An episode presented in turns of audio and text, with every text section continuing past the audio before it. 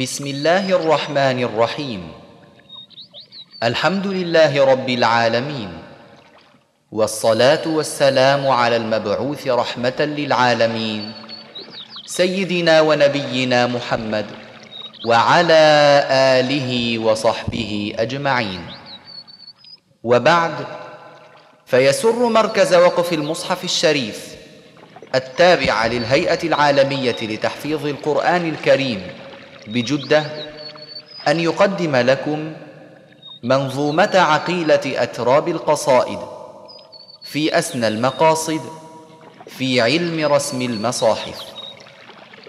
من نظم إمام القراء أبي محمد القاسم بن فيره ابن خلف بن أحمد الشاطبي الرعيني الأندلسي المتوفى سنة تسعين وخمسمائة هجرية رحمه الله تعالى.